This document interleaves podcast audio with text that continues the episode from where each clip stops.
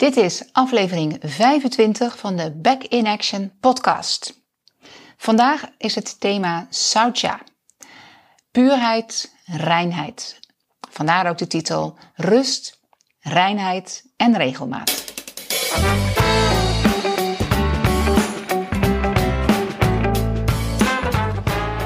Saucha is een spiritueel en religieus filosofisch concept dat gaat over uh, lichamelijke reinheid, maar ook over reinheid in denken en voelen. Deze podcast is onderdeel van de Yama's en Niyama's. Het is een reeks van tien afleveringen. Er zijn vijf Yama's en vijf Niyama's. De Yama's hebben we inmiddels behandeld. Dus heb je die gemist, dan zou ik je aanraden om even terug te gaan naar de vorige afleveringen. Um, ik begin deze podcast wel even met een korte opsomming van wat we al behandeld hebben. Het is vandaag vrijdag 22 oktober dat ik de intro doe voor de podcast die alweer een aantal weken geleden is geweest, nog volop in de zomer. Um, de herfstvakantie die ik gebruikt heb om uh, een en ander weer te ordenen, op, uh, op de rit te krijgen, maar ook om mezelf even toe te staan.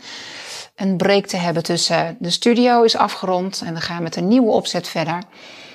Um, lekker even bij kunnen komen nadat alles opgeruimd en in de chaos van spullen, verhuisdozen, et cetera, weer een beetje orde kunnen scheppen. Uh, en ik ben er ook lekker even tussenuit gegaan. Ik ben vier dagen in mijn eentje op pad gegaan. Ik heb de Zuiderzeeroute gefietst. 4,500 kilometer gefietst. Heeft me heel erg goed gedaan. Gewoon lekker je hoofd leeg. Uh, niemand die iets van me moest of me dingen ging vragen of e-mail. De laptop lekker een week lang dicht. Eh, in die zin is dat ook eh, een reinigingsweekje geweest. Eh, mijn hoofd weer wat leeg gekregen. En zo ben ik deze week, ja, alsof het zo moest zijn. Maar niets is toeval, maar de dingen bedenk ik niet heel erg van tevoren. Ik laat het ook een beetje spontaan ontstaan. Deze week ben ik bezig met intermittent fasting. Ook een manier om jezelf te reinigen van binnen. En vandaag zelfs deze dag, ik heb al 24 uur niet gegeten. Ik ga zo dadelijk lekker genieten van het eten. Terwijl jij naar deze podcast kan kijken. Uh, dus een 24 uur vasten. Ook het vasten is een hele goede reinigingsmethode. Nou, nu dan lekker even naar die podcast kijken. Ga ik lekker een hapje eten. Um, ik raad je aan om met oortjes in naar de podcast te luisteren. Zodat je ook de communicatie die er is tussen mij en de mensen in de zaal wel meekrijgt. Want die is ik heb weer besloten om het gewoon er maar in te laten zitten. Ik heb er niet geknipt in de, in de opname. Juist door de vragen en opmerkingen en de interactie die er is met mensen in de zaal, um, komt de inhoud, de materie nog meer tot leven. Na de podcast kom ik dus nog even bij je terug en om een outro te doen en vertel ik je even iets meer over de nieuwe opzet van Mind Your Body, want daar zit vast ook voor jou nog interessante dingen bij. Goed, nu eerst deze podcast over Saucha, reinheid en puurheid. Veel plezier. Maak dan weer een leuk beginnetje aan. Het is een beetje improviseren met mijn uh, techniek, want ik heb niet alles bij me. Natuurlijk weer iets vergeten, as usual. ja. Zo, welkom in deze zesde avond is het inmiddels. De zesde avond eh, waar we het hebben over de yama's en niyama's. Ik wil heel kort nog even samenvatten. Waar hebben we het over gehad? Um, ik vond dit wel een mooi uh, hoofdstukje wat in dit boekje, die ik als leidraad gebruik, yama's en niyama's. Dan maakt ze ook even een, een soort tussenstapje van waar hebben we het nou eigenlijk over gehad. En dat, die tekst vond ik wel um, nou, weer verhelderend. Het raapt even alles bij elkaar op. Bij geweldloosheid hebben we het gehad van geweld aan onszelf en anderen naar compassie en liefde. Dus dat is eigenlijk heel kort door de bocht. Die eh, podcast die is vandaag ten uitgegaan. Dus geweld aan onszelf en anderen naar compassie en liefde. Dus dat is de beweging van het een naar het ander. Dat, dat is het streven wat je daarbij eh, voor ogen kan zien. Bij het tweede jama ging het over waarheid. En dan gaat het van leugen of doen alsof. Um, hoe hadden we het ook alweer? Het willen pleasen en be true, be nice or be real. Dat, dat waren de dingen uit mijn hoofd. Dus van leugen en doen alsof naar authentiek of uniek zijn, of misschien wel jezelf zijn. Dat is ook best wel uh, even zo snel genoemd, maar wat houdt dat dan in, hè? nou, eventjes om het op te halen, dan gaan we zo verder. Niet stelen. Um, samenvatten, het zou dat kunnen inhouden naar van weghouden naar ruimte maken en ehm, voor groei en ontwikkeling. Dus niet stelen heeft niet alleen maar te maken met uh, iets jatten, iets pikken. Tijd, energie en ruimte, maar ook uh, ja, ruimte maken voor groei en ontwikkeling. Zelfbeheersing zou je kunnen samenvatten van hebzucht naar waarderen zonder overvloed. Want op zich, ja, waarom zouden we geen dingen mogen hebben als uh, spullen? En, maar soms is dat zo op de voorgrond en ja, is dat het belangrijkste geworden. Best nog wel een lastig, hè? Want waarderen zonder overvloed. Want we verzuipen nog steeds in alles wat er, uh, wat, wat, wat er maar om ons heen is. Maar daar een soort van remmetje in vinden en genoeg is genoeg. En de laatste waar we het over gehad hebben was hebzuchtloosheid van gehechtheid naar een relatie zonder bezit. Ook wel een lastige. Daar hebben we het de laatste keer over gehad, dus we pakken de draad nu op. We gaan nu naar de niyama's. En het eerste thema in het Sanskriet, dus altijd eerst even de Sanskrietwoorden, is saucha. En dan hebben we het over reinheid, zuiverheid, puurheid. In je lichaam, in je gedachten, in je woorden. Wat roept dit al bij je op? Of zit je nog een soort van. Kom maar met alles over me heen. Heel erg ook aan jezelf zijn, hè? echt zijn. Heel erg uh, zuivere gedachten, zuiver woorden. Ja. Zuiver lijn. Maar ook waar voed je je dan mee? Ja. Ja ja, niet alleen het eten, maar ook met, met allemaal andere informatie. Of, uh, ja. Ik heb me af zitten vragen, wat maakt ons dan onrein of onzuiver of niet puur?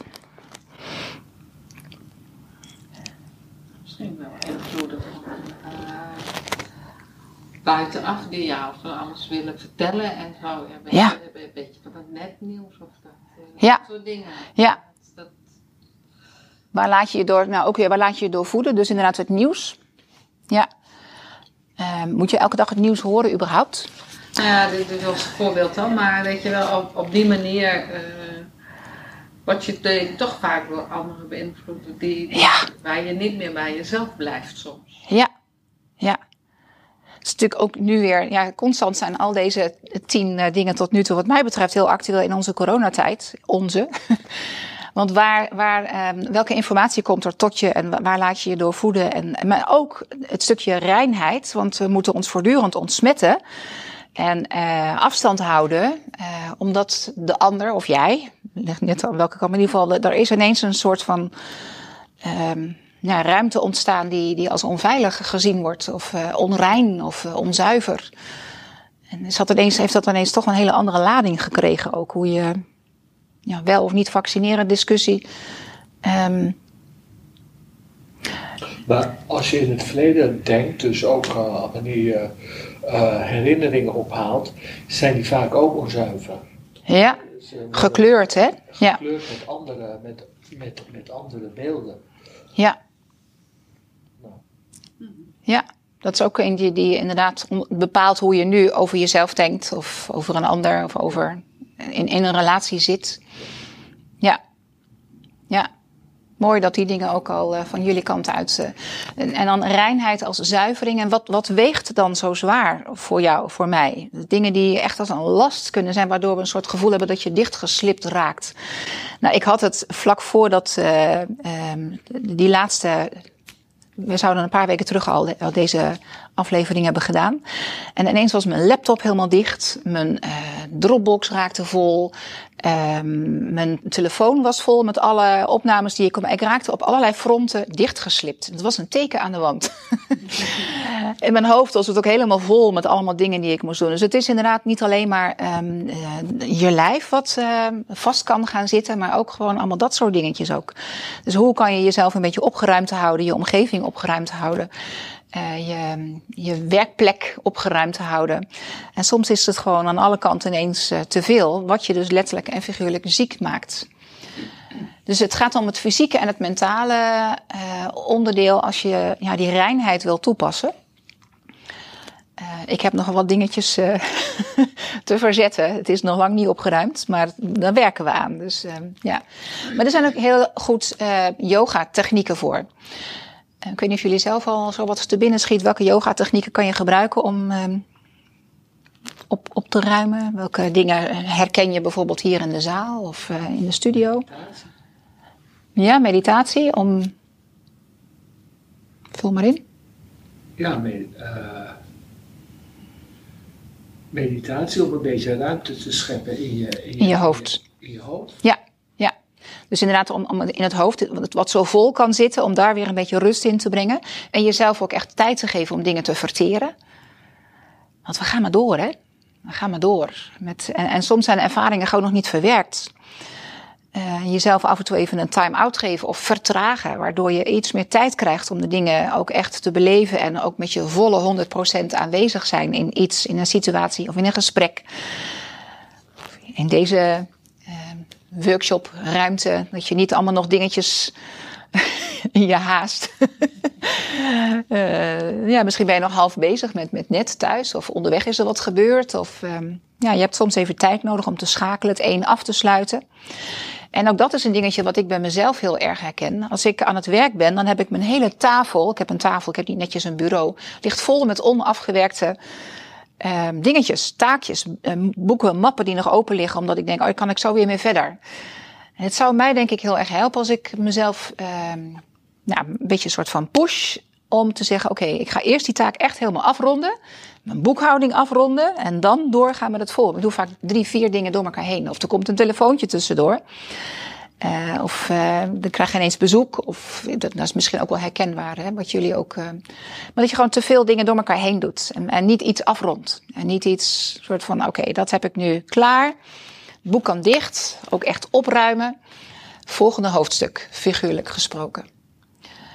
Um, ja, dus, dus yoga technieken. Ik heb hier de Nettipot bijvoorbeeld staan.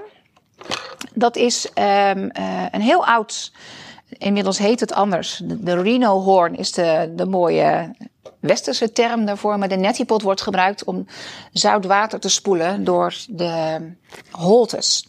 Dus dat is gewoon een hele simpele reinigingstechniek om ja, je holtes te spoelen. Er zijn zelfs technieken waarbij een lap karton zo van het ene neus gaat door het. En zelfs door van, nee, volgens mij moet je hem doorslikken. En dan gaat hij helemaal zo naar beneden, door je anus heen. Er zijn wel heel erg heftige reinigingstechnieken. Maar goed, er zijn mensen die voelen zich daar lekker bij. Ik uh, moet er niet aan denken. uh, om je ogen te zuiveren is het staren in een kaars. Dat wordt dan trataka genoemd. En die heb je dan ongeveer op mond, neushoogte zo een halve meter, een meter voor je staan. En dan, zodat je echt in de vlam van de kaars kan kijken. Het heeft nu niet veel zin, want het is veel te licht. Want het is fijn om dat te doen in een soort, uh, nou, een beetje een schemeromgeving of zelfs in het donker. Zodat die vlam heel helder is. En je kan gaan staren in de kaars. En dan zo min mogelijk knipperen met je ogen. Waardoor je wat gaat tranen. En daarmee ook uh, ja, een zuiverend effect op je ogen heeft. Dus het tranen wat je al een beetje oproept. En dan vervolgens even je ogen sluiten. En dan gewoon maar zien wat er verder nog op je netvlies binnenkomt. Dus het staren in een kaars is een uh, techniek die gebruikt wordt. Ademoefeningen, de Kapalabhati wordt die genoemd. Dus actief je buik naar binnen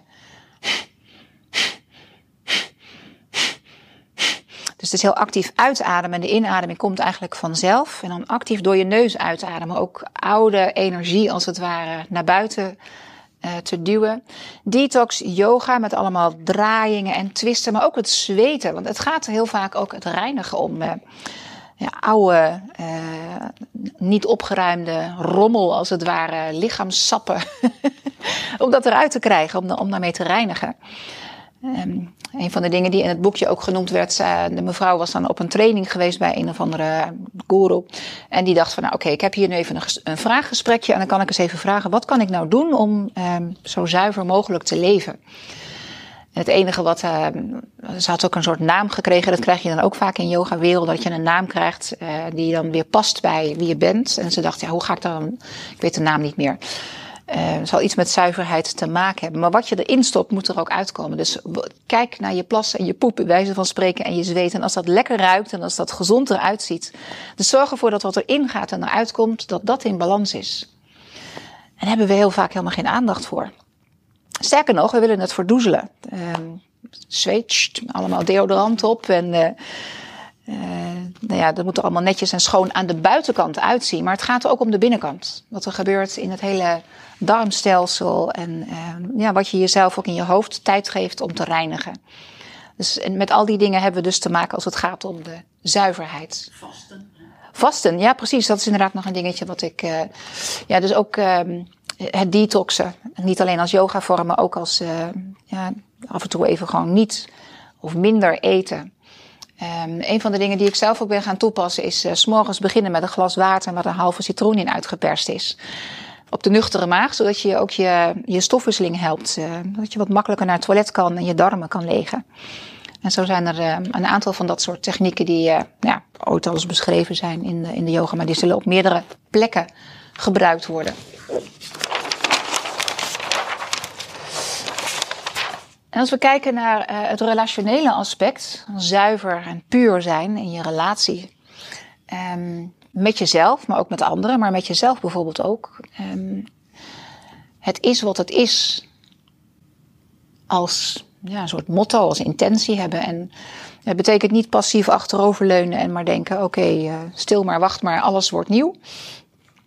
Maar um, ja, kan je en ik vond deze, ik kan hem heel moeilijk vertalen, maar hier zit in, deze regel, being pure with something, tegenover of um, versus trying to make something pure.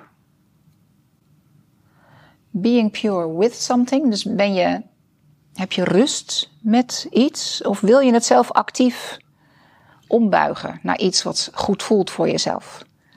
Is het denkt dat het maakbaar is. Ja, dat zit daar inderdaad ook in. Ja. En, en, dat eigenlijk, uh, ja, je denkt heel vaak wel dat de wereld maakt, of dat alles om je heen maakbaar is. Ja, daar leven we ook in, dat is voor ons. Ook. Ja. En die psychiater Dirk de Wachter heet hij volgens mij. Dat is een Belg, dacht ik. Die heeft ook wel een aantal boeken in die richting geschreven. Dat niet alles is inderdaad maakbaar. En um, niet lekker in je vel zitten, het hoort er soms ook bij. En narigheid komt gewoon op je pad. En daar heb je mee te dealen. Het is wat het is. Ziekte. Volledig zijn met wat is. Hè? Dat, dat, being pure with something, dan ben je er helemaal bij. En er even helemaal in zitten. Ja, dan, ja. dan ben je er helemaal bij. Ja. Met je aandacht en met je bewustzijn. Ja, dat het er ook. Dat je het wegdrukt ja. of vasthoudt. In plaats van het uh, ja, te vermijden. Ja. Wat wilde jij zeggen? Nou ja, dat je er inderdaad bij kan zijn. Ja. Something. Ja. Wat het ook is. Ja, pijn hebben we de neiging om uh, weg te slikken met een paracetamolletje. Maar soms is het ook heel goed om eens te voelen van wat heeft die pijn mij nou eigenlijk te zeggen. Je kan hoofdpijn uh, wegslikken. Maar je kan ook even bedenken, nou misschien, en, en dan gewoon ook doorgaan vervolgens, want dat doen we dan ook. Je kan ook even in die pijn blijven en uh, ja, afvragen, wat heeft het me te zeggen? Uh, een slaappilletje nemen omdat je zo slecht slaapt. Uh, maar je kan ook eens bedenken, hoe komt het dat ik s'nachts nog wakker lig met allerlei dingen die, mij, uh, die ik niet verteerd heb waarschijnlijk. Is dat ook wat er gebeurt? Dus ja, um, sommige dingen laten zich moeilijk vertalen. Maar ik, ik, dacht, ik ga hem gewoon in zijn geheel opschrijven. Wat er in dit boekje stond. Want ik vond dit, ik voelde daarbij wel, dit is wel waar het een soort van om gaat. Being pure with something. Het is wat het is. Instead of trying to make something pure. Dus inderdaad de maakbaarheid. Ja. ja. En kan je van jezelf houden precies zoals je bent? Onvoorwaardelijk. Die vind ik lastig. Man, hoe vaak zit ik daar niet mee te worstelen. Is er iemand die daar helemaal. Uh... ja. Ik heb het van de week ook nog in de lessen een beetje gebruikt. Ook van, kan, je, kan je voor jezelf. Uh, weet je, je kan het heel vaak tegen jezelf zeggen. Hè? Ik ben goed zoals ik ben. Gewoon zeggen. Maar het voelen. En dat ook uitstralen. En je niet uh, ja, van de wijs laten brengen. Maar je wordt toch ook beïnvloed door je omgeving. Dus ja. als je. Um, je kan wel van, je, uh, van jezelf houden, of uh, soms, uh, soms kan ik echt boos op mezelf zijn. Maar dan. uh, ik kan ook denken, ja, dat is het gevolg van de omgeving. Zeggen van, nou, die kan ik toch nog van me houden. Dat kwam ik vandaag nog weer tegen. Dat is wel een mooie wat je daar zegt. Ehm, want ze haalt wel een paar interessante mensen aan. Ik ga even kijken of ik die naam kan vinden. Dus een filosoof. Ik ben even gaan kijken naar wat quotes van die man. Volgens mij heet hij An- Anthony de Mello. Ik zou, bijna zeggen, ik, zal hem, eh, ik heb hem nu genoemd, Anthony de Mello. Ehm, en, en zijn woorden was, well, can you leave yourself alone? And can you be pure with yourself in each moment? Maar er waren ook een paar quotes. En, en dat komt volgens mij neer. Eigenlijk is wat de ander jou laat zien, is gewoon je kijkt in de spiegel. Want dat, je, bent, je bent als het ware de ander. De manier waarop jij de ander ervaart, dat ben je gewoon zelf. Dat is ook een quote van hem, eh, van, van deze meneer kwam ik tegen. Dus eh, daar moet ik aan denken nu jij dat zo zegt. Daar zat ik ook wel een beetje mee. Eh, want ik ben er echt, echt mee bezig. Kan, je, kan je van jezelf houden. Maar dan projecteer ik dat op iemand anders. ja, Vaak. ja.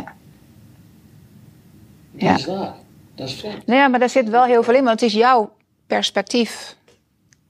En hoe je de ander ervaart, heeft soms helemaal niets te maken met die ander, maar meer met jezelf. Anders toch eigenlijk? Ja, Als iemand tegen jou zegt eh, iets wat totaal niet voor jou waar is, en dan maakt het niet uit wat diegene zegt, maar blijkbaar is er dan toch iets in jezelf wat dat triggert, toch? of over de overtuiging die je van jezelf hebt. Ja. ja. En in die zin is er nog een mooie podcast die ik gisteren heb geluisterd. Van Thijs Lindhout. Kennen jullie Thijs Lindhout als podcastmaker? Met Paulien Timmer. Eh Paulien Timmer die heeft... ehm, ja, het is allemaal om twee redenen heel interessant eh, om er naar te luisteren. Want ze, hebben twee keer een podcast samen gehad. Van de- deze podcast die ik aan wil halen gaat over hechtingsstijlen. En, en hoe je dan dus met jezelf dealt, met je partners. En op welke manier jij vroeger bent opgegroeid en wat er allemaal gebeurd is. Ik weet niet of jij daar ook al. eh, in, voor kinderen is dat denk ik sowieso een hele. Wat er in, in onze kindertijd allemaal al gebeurd is. En, ja, wij hebben natuurlijk zelf ook, als je kinderen hebt, op een bepaalde manier ben je opge, eh, omgegaan met je kind. En heb je wel of niet gehecht. En het kan onveilig zijn, het kan veilig zijn. En dat heeft allemaal weer consequenties voor nu. En hoe je omgaat met. Eh, je kan angstig gehecht zijn, je kan veilig gehecht zijn. En dan zijn er weer combinaties daarvan. En het kan ook een onveilige hechtingsstijl zijn.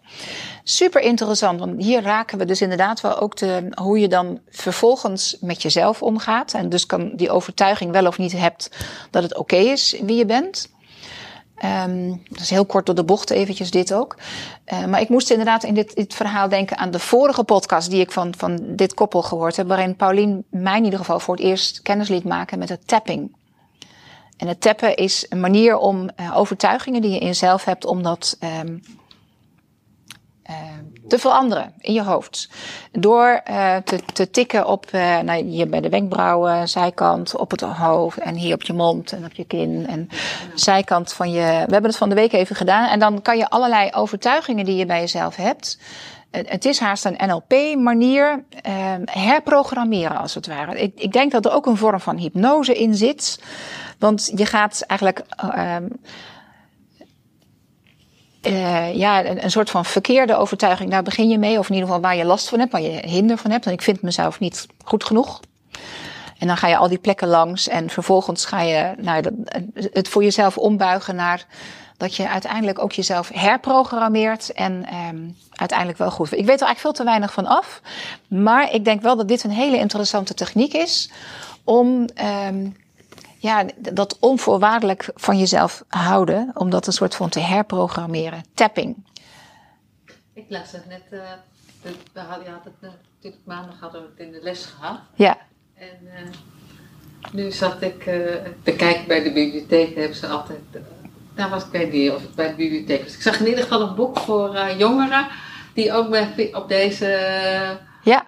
techniek geïnspireerd was. Ik, ik zag het op Instagram voorbij komen. Ja. Ja, dat we inderdaad. Ja. ik wel denken, denk, nou zo toevallig hebben Ja.